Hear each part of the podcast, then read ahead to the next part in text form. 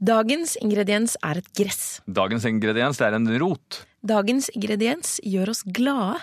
Dagens ingrediens eh, har den litt uheldige effekten at det ofte gjør oss syke. Samtidig så klarer jeg ikke helt å få nok av den. Du og de fleste andre bør spise mye mindre av den. Dagens ingrediens smaker deilig og søtt. Ja, det gjør den. For dagens program skal handle om slaveri, kjemi og sukker.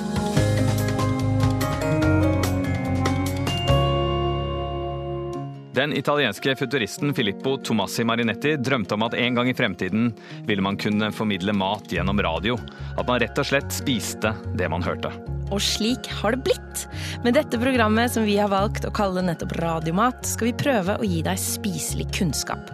I Radiomat skal vi snakke om matens kulturhistorie, om råvarer, om matens betydning opp gjennom historien, og i vår tid. Og vi skal snakke om smak. I studio ovenfor meg sitter matentusiast, kokebokforfatter og småbonde Andreas Vistad. Han er den eneste jeg kjenner som er like søt som sukker. Og Overfor meg sitter matblogger og radiomenneske Pia Skjevik, som for tiden boikotter sukker i stedene, har 80 000 arbeidere på arbeid og leter etter pollen for å lage honning. Og honning er jo et annet tema. Det må vi komme tilbake til.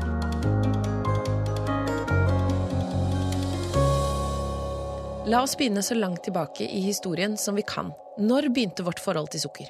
Ja, Det var på en måte før sukker, sånn som vi kjenner det. Um, Hvordan var sukkeret, da? jo, du kan si det er noen få menneskelige ting, fellesmenneskelige ting, eh, i forhold til smak. Og en av dem er det at eh, vi har en tendens til å eh, reagere nærmest fysisk på lukten av stekt kjøtt eller grilla kjøtt.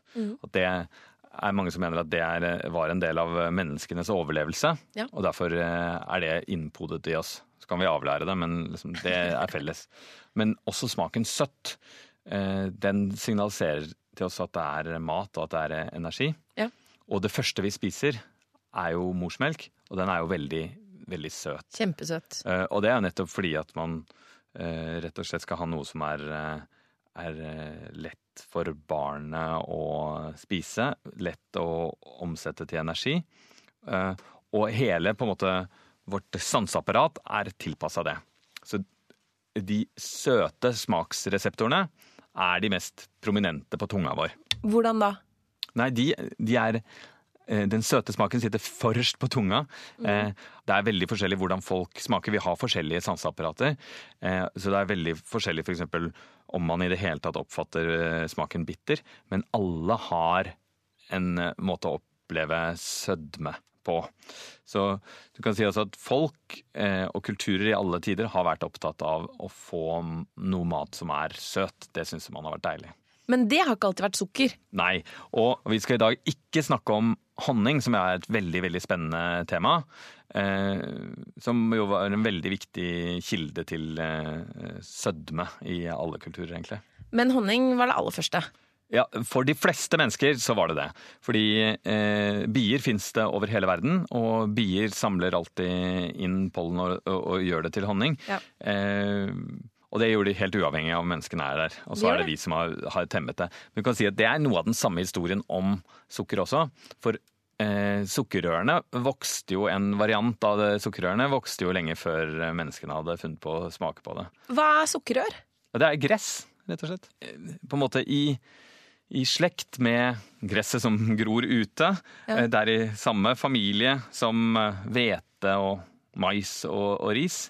Er det noen forskjell mellom dem? Ja, den, det er jo mange, mange store forskjeller, men den viktigste forskjellen er jo at eh, med, med f.eks. hvete og mais og, og ris, så spiser vi jo på en måte fruktene av dette gresset. Eller, mens, eh, mens med sukker så er det rett og slett et, eh, Du kan tenke deg, hvis du ikke har sett eh, sånn sukker, sukkerrør, så er det eh, noen områder liksom langs, en, eh, langs en liten innsjø hvor det vokser sånne, sånne siv. Ja, ja, ja, ja. Som har, eller, eller liksom bambusaktig. Så er eh, sukkerrør egentlig bare enda større sånne type siv. Og inni er det, er det væske. Det er et saftig, deilig gress som bare er kjempestort. Kan bli liksom flere meter høyt. Og ha en omkrets på eh, 15 cm. Eh, og det inneholder da store mengder sukker.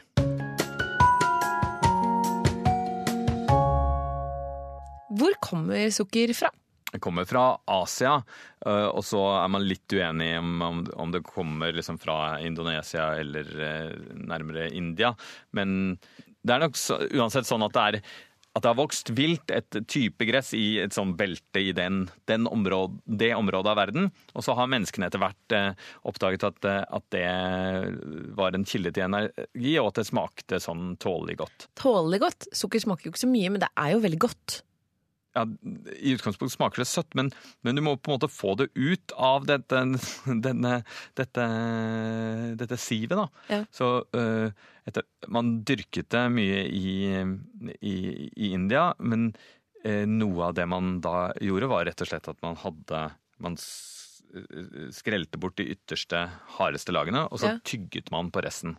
Og det er sånn Det har jeg prøvd å gjøre. Det er det smaker ganske, ganske, godt, men samtidig så er det utrolig upraktisk. Det er liksom noe av det mest sånn upraktiske du kan spise, fordi at du at du må da gnage deg gjennom noe sånn litt sånn treaktig hardt siv. Mm. Eh, og du føler deg veldig som en drøvtygger, og du må spytte ut da halvparten av disse fiberne hele tiden.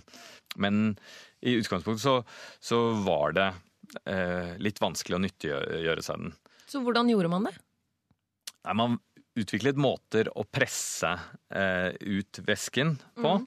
Og det kan du jo gjøre alt fra å hamre til at du uh, utvikler ulike typer møller eller, uh, eller sånne presser. Ja. Uh, og så har du denne væsken som er sånn gulbrun, og så, så koker man den inn. Veldig, veldig energikrevende. Ja.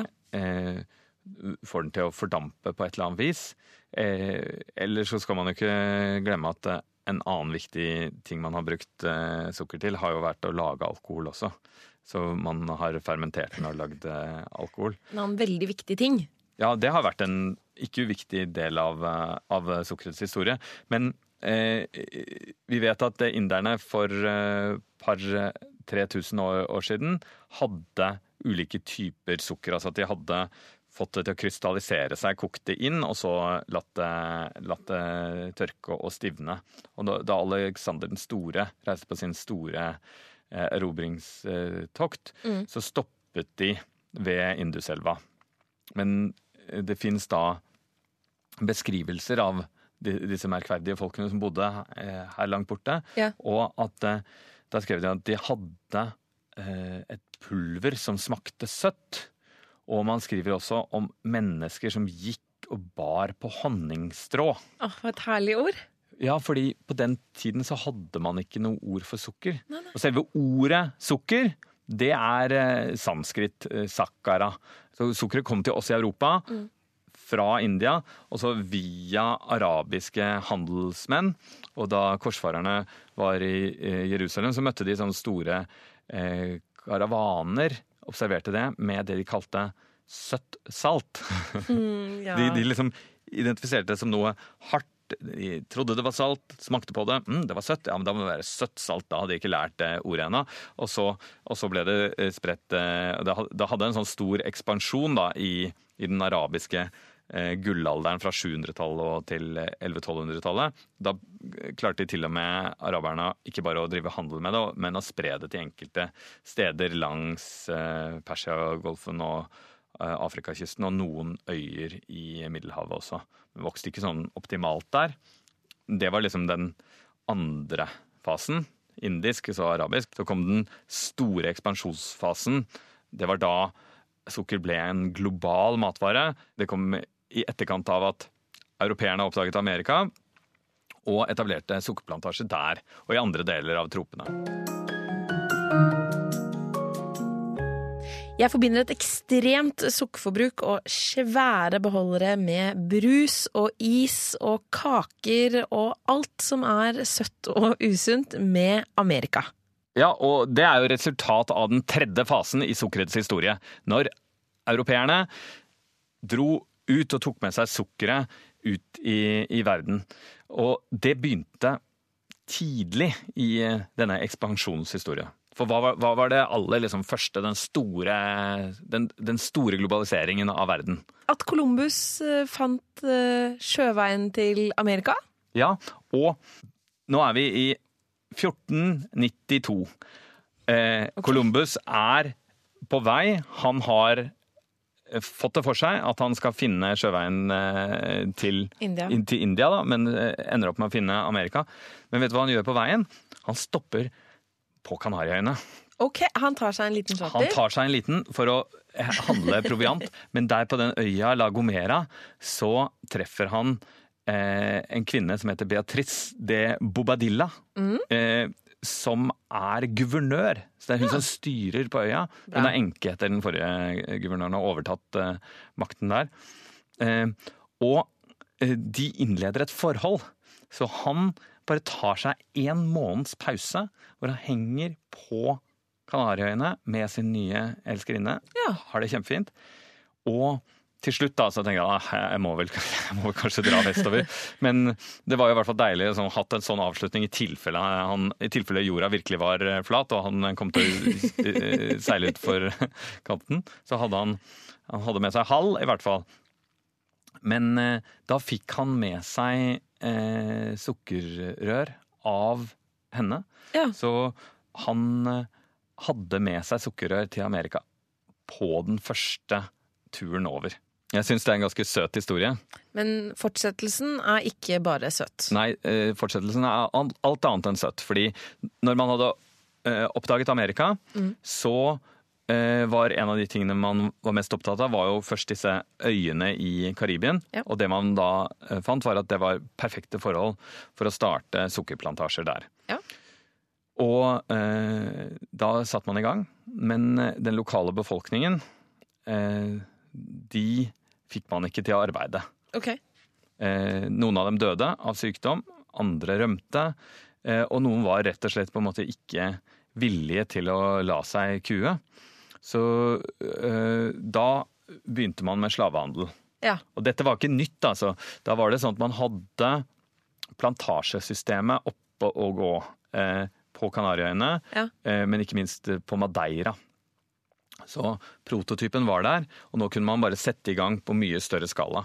Og i løpet av de 200-300 årene hvor eh, slavehandelen var mest eh, aktiv, så gikk 11 millioner slaver over eh, Atlanteren 11 millioner. fra Afrika. Og ikke minst da, så var det, hadde en enorm betydning for det afrikanske innlandet også. Fordi Ja. en ting var at vi mistet 11 millioner mennesker, men det var antageligvis mange flere som døde i kamper og på vei til havnen og osv. Så, videre.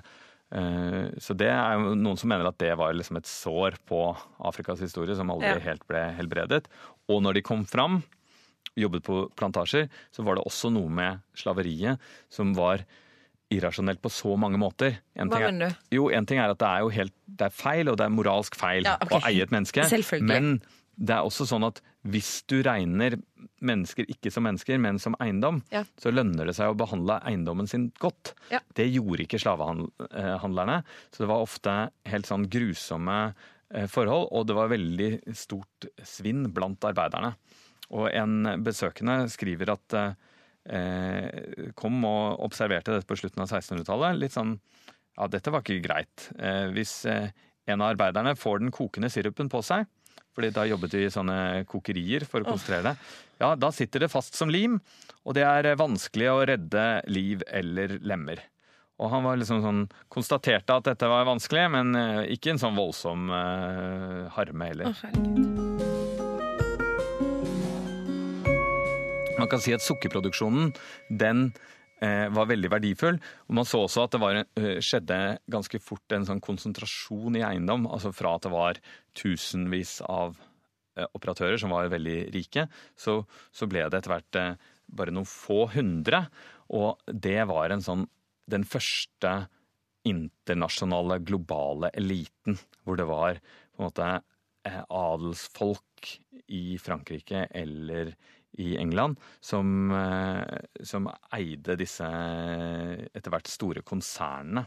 Og man begynte også med eh, økonomisk krigføring mellom landene, delvis på grunn mellom særlig Italia og Frankrike. Hvordan da?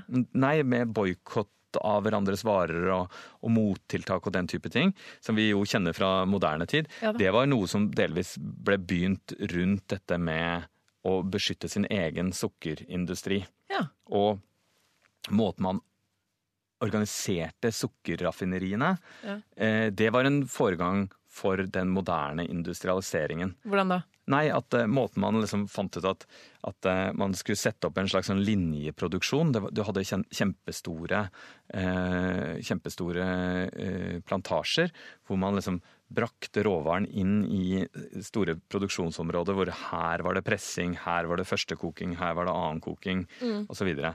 eh, så det var en modell som ble tatt videre, en, en måte å styre arbeidsprosessen på. Og ikke minst så brakte det masse kapital inn. Så det er mange som sier at det var den startkapitalen som de britiske industriherrene trengte for å starte industrialiseringen, som de begynte på 1800-tallet. Og nå er prosessen helt industrialisert. Nei, i dag er det fortsatt sånn at det er rester av det gamle plantasjesystemet. eh, Fordi mange av de stedene hvor man eh, dyrker eh, sukkerrør, så er det så mange bakker at man faktisk må høste, høste for hånd. Så det sies at opptil halvparten av alt sukkeret som produseres, høstes for hånd. Så da har man på den ene siden sånne kjempestore maskiner som kan høste 100 tonn i timen. Ja. Men eh, så har du andre områder hvor det må være fortsatt ei, liksom, en fyr som står der med, med machete. Så alt sukker kommer fra sukkerrør.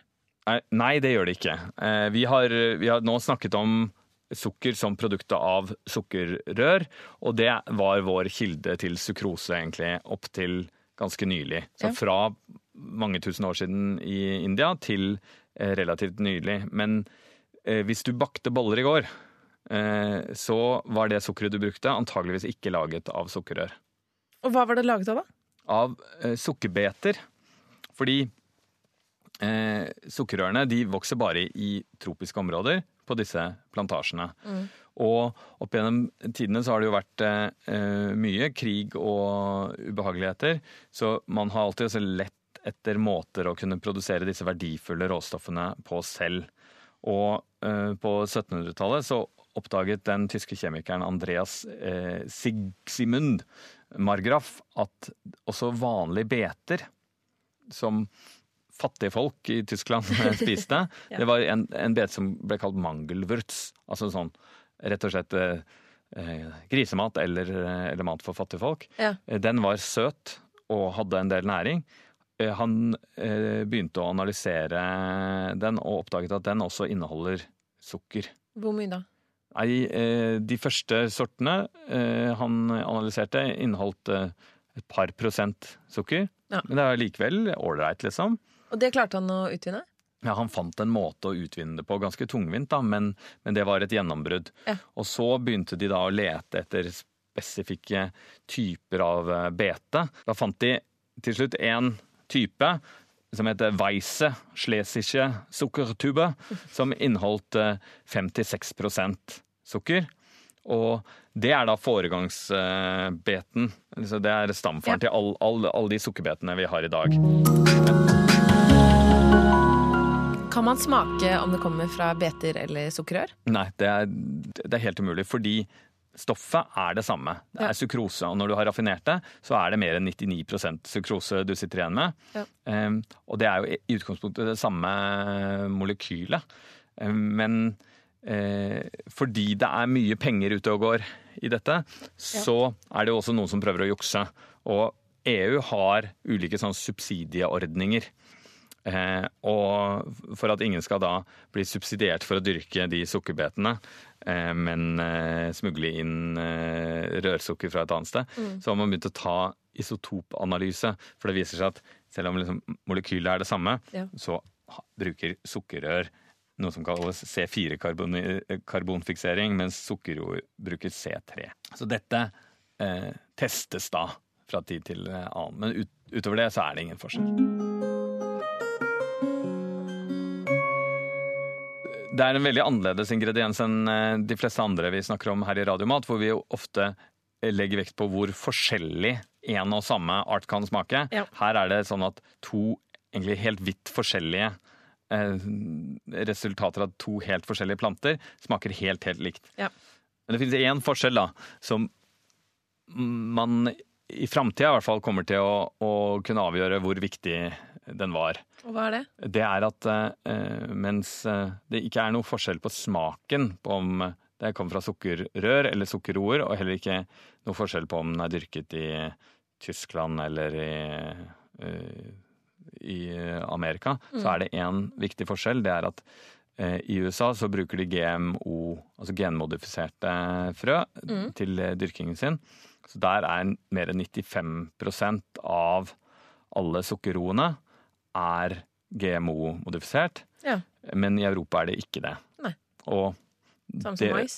ja, det vi vet, er, eh, er at vi ikke vet hva konsekvensen av det er. Sukker er vel ikke så veldig sunt? En gang var det medisin. Hæ? Jo, altså I introduksjonen av sukker så var det regnet på en måte som et krydder. Eh, og eh, det ble også da tillagt masse medisinske egenskaper. Og når man tenker på leger i gamle dager, så tenker man jo at, eh, at medisinske vitenskapen har kommet et godt stykke. At man tenker på de gammeldagse legene som sånn noen som likte å årelate eller gi pasientene sine arsenikk. Ja. Og ellers da reiste gjennom ulike hjemmene til ulike syke mennesker med store, skitne frakker som var med på å smitte folk. Og da spis ti sukkerbiter og ring i morgen? Ja, nettopp. Altså, nesten alle, selv syke, føler seg litt bedre med sukker. Så det man opplevde da, var at uh, man var litt syk, så kom legen, omsorgsfull, alt mulig sånn, og så spiste man litt sukker, og så følte man seg straks Ja. litt bedre. Og så enten er man bedre neste dag, Ja. Og da sier man at det er legens skyld, eller så tenker man nei, jeg er fortsatt like dårlig. Jeg følte meg mye bedre når legen var her. Det var en sammenheng folk så. At, eh, at man ble litt blidere, mer opplagt og, og følte seg godt når man hadde fått eh, sukker. og Derfor regnet man det som medisin. Nå vet vi heldigvis bedre. Ja, sukker er jo en trussel for folkehelsa. Ja. Men Jeg vet ikke om man tåler å si, si det, men altså, sukker er ikke så farlig. Hva mener du med det? Jo, eh, det er ikke noe spesielt farlig å spise sukker. Problemet er egentlig bare det at det gir oss ingenting. Altså, det, er ikke, det er ikke noe vi trenger i sukker. Så vi klarer oss helt fint uten sukker. Det er ikke så problematisk å spise litt sukker. Problemet er at altfor mange av oss spiser altfor mye sukker. Når begynte vi med det? Altså jeg tror egentlig veldig mange som har fått tilgang til sukker, har begynt å spise for, for mye sukker. Eh, så eh, rike mennesker i, eh, i eh, overklassen i kontinental-Europa spiste nok eh, mye, mye sukker, og for mye sukker. Men eh, som folk så spiste vi ikke spesielt mye sukker før eh, det begynte å bli betydelig billigere. På slutten av 1800-tallet og så utover på 1900-tallet har det jo blitt praktisk talt gratis.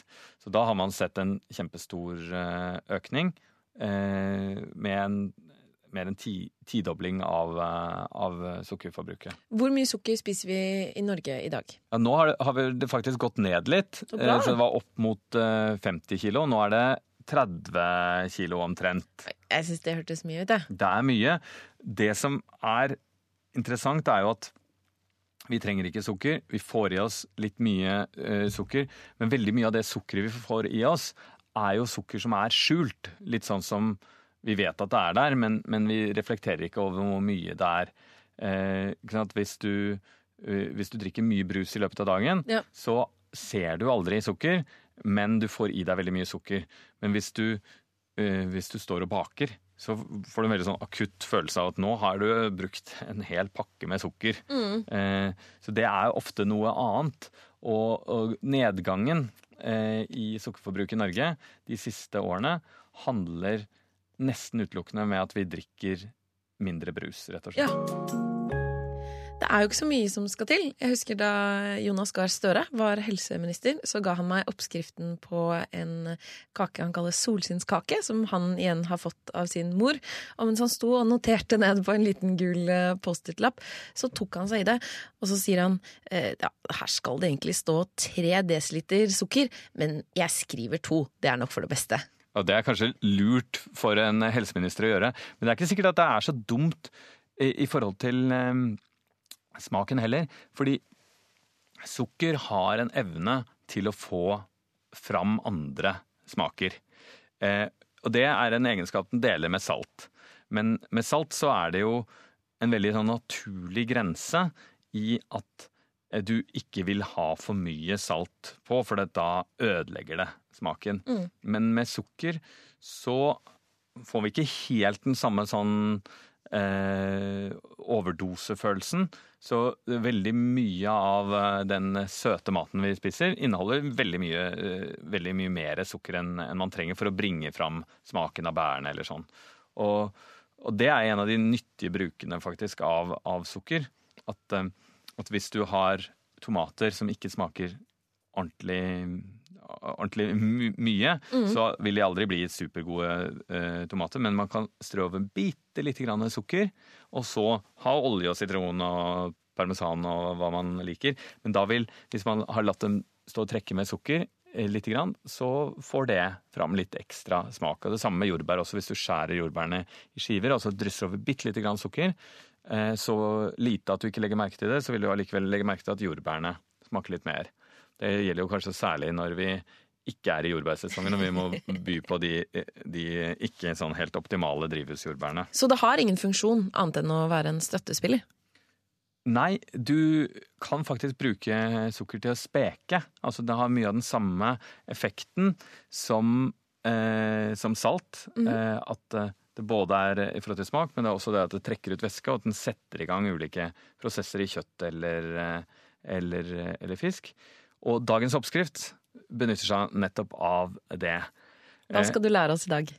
Sukkerspeket eh, makrell. Nam! For eh, du kan bruke den samme teknikken på nesten eh, all slags eh, litt feit fisk. Mm. Du kan bruke den på laks eller annen feit fisk også. Men jeg syns nå egentlig at eh, makrell er en utrolig, utrolig fin eh, fisk, og den har veldig godt av det. så med en gang man har fått makrell, og da får man alltid litt for mye. Så filetere fisken, skjære av bena. Så har man fisken i en, i en form. En, det er bedre med en plast- eller en porselensform enn en metallform. Mm. Fordi det kan reagere litt eh, med, med, metallet. Og så, hvis du har et eh, kilo med makrellfilet, så tar du kanskje 1 dl eh, med sukker, og så mm. tar du en spiseskje med salt. Ja. Og så lar du det eh, trekke litt. Og da er det kjempegodt etter, etter 20 minutters tid, så kan du wow. børste av det. Du kan også la det ligge sånn over natta, og det er veldig deilig. Og så blir det en sånn rask eh, spekeprosess. Og da tilsetter jeg ulike smaker. Jeg syns det er godt med litt krydder, så jeg syns det er deilig med litt stjerneanis, litt eh, chili og litt limesaft. Det er hva jeg kaller en smak av sommer. Og det var dessverre alt vi rakk av Radiomat for denne uken. Men Radiomat-universet lever videre på sosiale medier hver eneste dag. Søk opp eh, NRK Radiomat på Instagram eller Facebook. Og hvis du vil høre programmet igjen, eller kanskje dele det med en venn, så får du selvfølgelig Radiomat som podkast. Og du, når du først er inne på podkastsiden din, så må du gjerne både abonnere på NRK Radiomat og gi oss en karakter. Da blir det nemlig enda flere som får stilt sin nysgjerrighetssult på mat og mathistorie. I alle fall for noen timer.